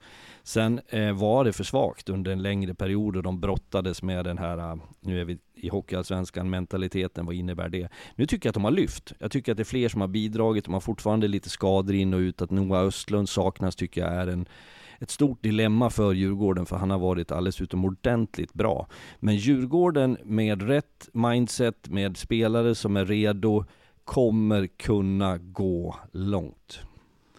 Vi har ju varit, vi har väl hela tiden sagt att högsta nivån i Djurgården har, har vi inte tvivlat på. Den finns där någonstans. Det Eller? jag tänker, ja, säg ja, men jag håller med. Säg du. Men, men det känns ju som att eh, ja. Djurgården har ett lag byggt för slutspel. Menar, Kry- det känns som att Kryger, Brodin, eh, Danielsson, eh, Vejdemo, det är nu man kan få ut sådana, Klasen, det är nu man kan få ut max av sådana spelare. Så är det. Och sen har du den, den delen som, eh, jag vet inte riktigt, jag, jag ser Globen från mitt eh, hotellrumsfönster just i detta nu, så jag, jag det snackar om att vara ajour för att eh, prata en känsla, men där ligger också Hovet där man kommer att spela sina matcher. Men ett Hovet om Sitter Djurgården får Fredrik också publik- köra en buggdans med sig själv. Sitter i soffan, ser ut som fått en stroke mitt i stället och haka upp bilden. Repade skiva. Jag är van att jobba på TV nu så att det ska vara illustrativt. Nej, men det jag försöker komma till är att om Djurgårdsfamiljen, kallar de sig så, publiken eh, sluter upp nu så att det blir eh, mycket folk på Hovet, då är det, eh, kan vara en plågsam upplevelse. Man kan vrida det till att det är kul att åka och förstöra på Hovet om det är 7000-8000 människor där. Men eh, Djurgården i ett slutspel är jag jätteintresserad att se. Förmår man eh, steppa upp ytterligare? Har Garpenlöv och kompani jobbat för det här nu som vi har sagt att de borde göra? Får man tillbaks rätt gubbar om man då kan ha klockan slår på Hovet där, ding ding ding ding ding, då är det ett extra eh, verktyg för att vara framgångsrika i slutspelet, tveklöst. Det är inte lätt att spela på Hovet när det är fullsatt och man känner att de sköljer på. Den är tuff. Jag vet, minus tre, Växjö Lakers på Hovet, det dingar den där klockan. Janne Karlsson sätter längst bort. Ärrat dig för all framtid. Men, men eh, vad tror ni då? Har Karlskoga någon chans att kunna rucka Djurgården? Ja, det, det har de verkligen. De har en chans att göra det. Jag håller Djurgårdens favoriter när man går in. Det gör jag verkligen. Den är kanske, jag tror inte den kommer gå till sju, men eh, jag tror att Djurgården, jag tycker att Djurgården går in med större favoritskap i den här kvartsfinalen. Det är klart de gör, men jag, jag eh, bekräftar ju att Karlskoga är Sveriges mest oberäkneliga hockeylag och har så varit i alla tider. Och jag säger det än en gång, det är någonting vackert och en bra egenskap.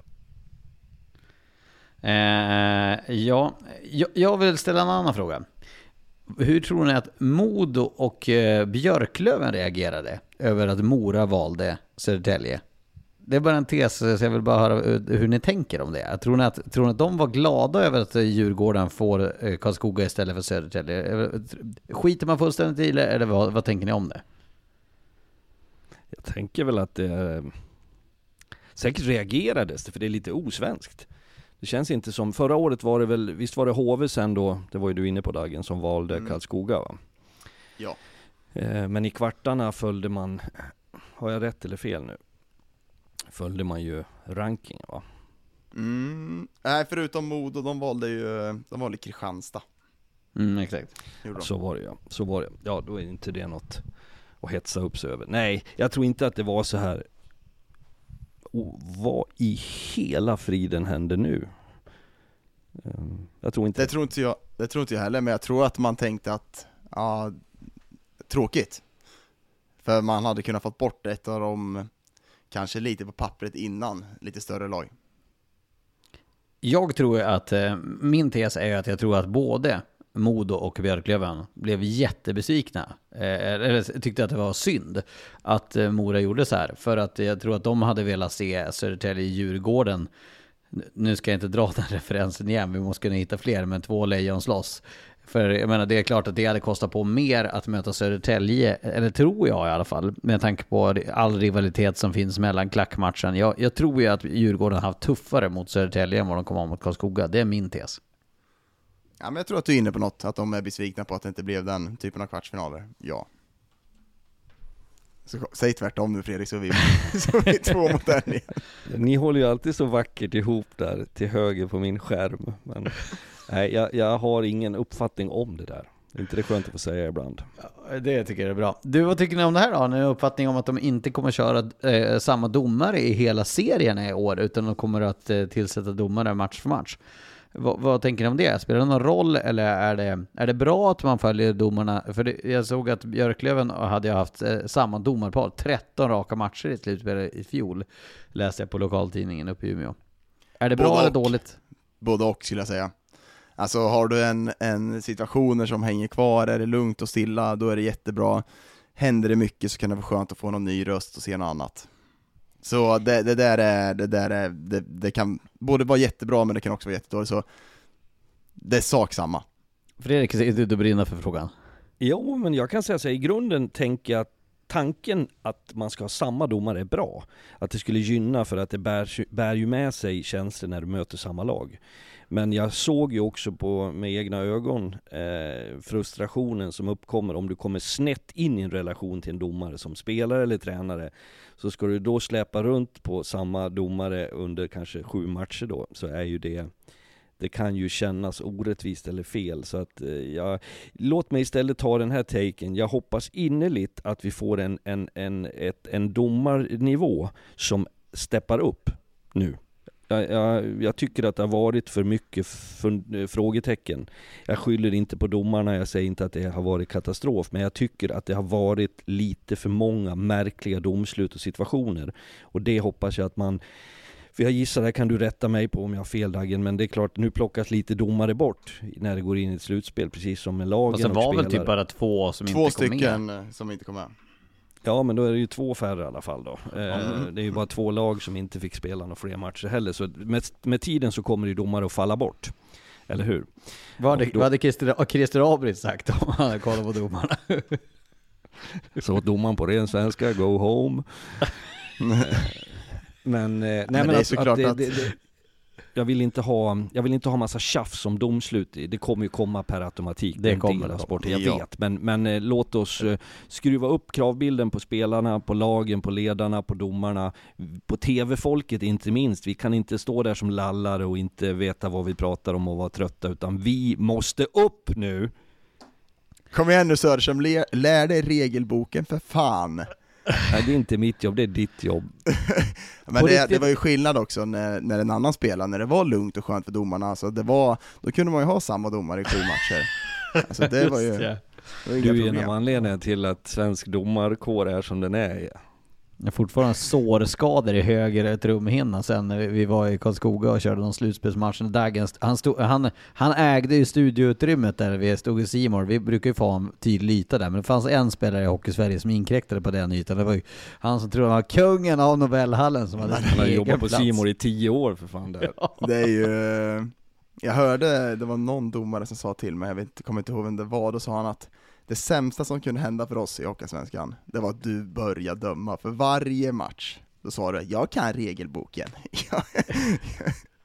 Men eh, faktum är att det, fan, den, är, den är komplicerad den där regelboken. Det är, många som, det är jävligt många som ser på hockey som inte har någon aning om vad det står i regelboken. Och där tycker jag faktiskt att folk ska bli bättre på att läsa på om vad fan som gäller innan. Alltså, det kommer ju typ, ja men det kommer typ ett A4 med förändringar varje säsong. Läs den innan ni gnäller. Sen är det ju, den är ju internationell nu också. Den är ju ändrats inför den här säsongen. Men jag tycker att det är två olika problem i det där. Regelboken i sig må vara ett dilemma och att den är komplicerad, men det är ju hur du förhåller dig till den som retar mig ibland. Vad du väljer att, att gå på, vad du lägger ribban och nivån. Och det är väl någonting som jag också kan känna i ett slutspel, att vi vi, eh, vi önskar ju alla att det ska tillåtas lite mer och då pratar jag inte att det ska vara, få vara fler hakningar, slashingar eller checking from behind utan att det fysiska spelet intensifieras, att, att känslorna är där. Och ja. det gissar jag att ni domare, jag pekar på dig nu Eriksson, eh, resonerar kring också att man vill ha det så. Jag tror inte att domarna på något sätt är motståndare till det. Nej, regelboken är till för att tolkas. Det, ja. det, det, jag, jag, tycker faktiskt det ska höjas upp. Eh, och jag hoppas att vi blir befriade från att det blir, att vi står och pratar om domarinsatser efter matcher, som till exempel Västerviks intervjun igår. Lägg fokus på egna insatsen. Eh, ja, och eh, döm slutspelshockey, tycker jag. Ja, och den, jag tycker Fredrik in, den, den måste höjas upp nu också. Ja. Precis som lagen måste höja sin prestation. Det är ju sunt förnuft liksom. Det, det gäller mer nu, då, då är det en annan typ av bedömning. Alltså jag menar, det, det, det solklara, solklara grejer liksom, men, men, det måste ju adderas fysik till sporten. Det är ju nu sporten hockey ska vara, sporten hockey. Vi kanske skulle avsluta varje podd nu med fem domarfrågor, jag får sätta er på pottan lite. Från Starta domarpodden istället, så ja, ska jag inte lyssna på den. Ja, jag tror, har du läst av mellan raderna att jag och Fredrik inte brinner för domarfrågor? Nej. Men, jag brinner för domarna. Låt mig bara få ta tillfället i akt och säga, i jag vet att det är hetta och jag förstår att man blir förbannad på domare, spelare blir det, supportrar och det, det är ett jävla liv i sociala medier. Men jag träffar väldigt mycket domare. Du dömer Dagen så du kan dem ännu mer än vad jag gör. Men jag försöker i den mån jag har tid när vi är i arenorna gå in och morsa, kanske ta en kaffe och sitta och surra. Det är många väldigt sympatiska människor som är väldigt professionella i sitt sätt att, att förbereda sig. Sen går det åt helvete, någon är för dålig, precis som det är med spelare och tränare, några är briljanta. Men eh, själva touchen de har i snacket och eh, hur de tar sig an matcherna tycker jag är väldigt bra. Det är värt att belysa i en tid där väldigt få vill bli domare. Verkligen, håller med om det. Eh, hörni, sträck på er för fan. Det är Slutspel imorgon! Fan vad kul det ska bli. Hö, hösäck alltså. Nej men det känns ju för jävla roligt. Nu, nu kör vi fredag kväll. Vi, vi börjar kvartsfinalserien i Umeå med Björklöven, Västerås. Fredrik, du ska stå där nere. Du slipper mig imorgon. Jag har Men flyttat det upp här på tycker jag är hyllan. fascinerande. Nu när slutspel drar igång, ja men då kastar vi om lite grann. Vi måste ju, precis som vi pratade om några av lagen, för att vi ska hantera det här bra nu, så måste vi jobba med, med den breda trupp vi besitter. Vi måste höja oss. Ja, exakt. Ja. Vi petar Lars från studion, det första vi Ja. gör.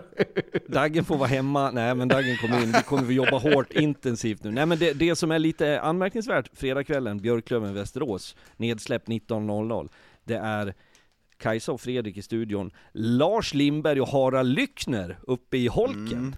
Det är A-laget. A-laget Ja. ja. Jag ska ju faktiskt kommentera de fem första jobben jag har i slutspelet. Det är ju ingen studio. Jag ska, ba- jag ska gå in och kommentera nästan bara här nu i starten. Och, och jag, jag är ju så här, jag tycker det är skitkul att stå i studion, jag tycker det är skitkul att kommentera. Jag älskar att få göra båda, det är en rolig mix.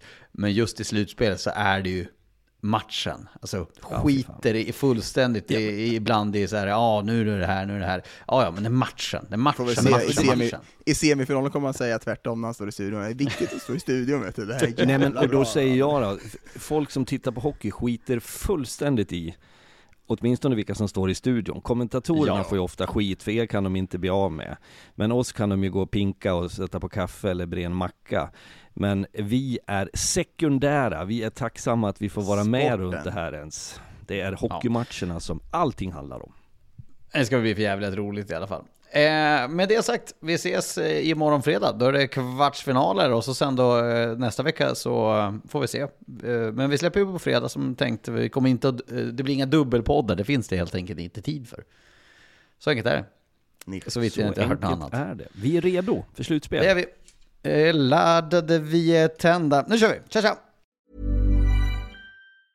Mom deserves the best, and there's no better place to shop for Mother's Day than Whole Foods Market. They're your destination for unbeatable savings, from premium gifts to show-stopping flowers and irresistible desserts. Start by saving 33% with Prime on all body care and candles. Then get a 15-stem bunch of tulips for just $9.99 each with Prime. Round out Mom's menu with festive rosé, irresistible berry chantilly cake, and more special treats. Come celebrate Mother's Day at Whole Foods Market.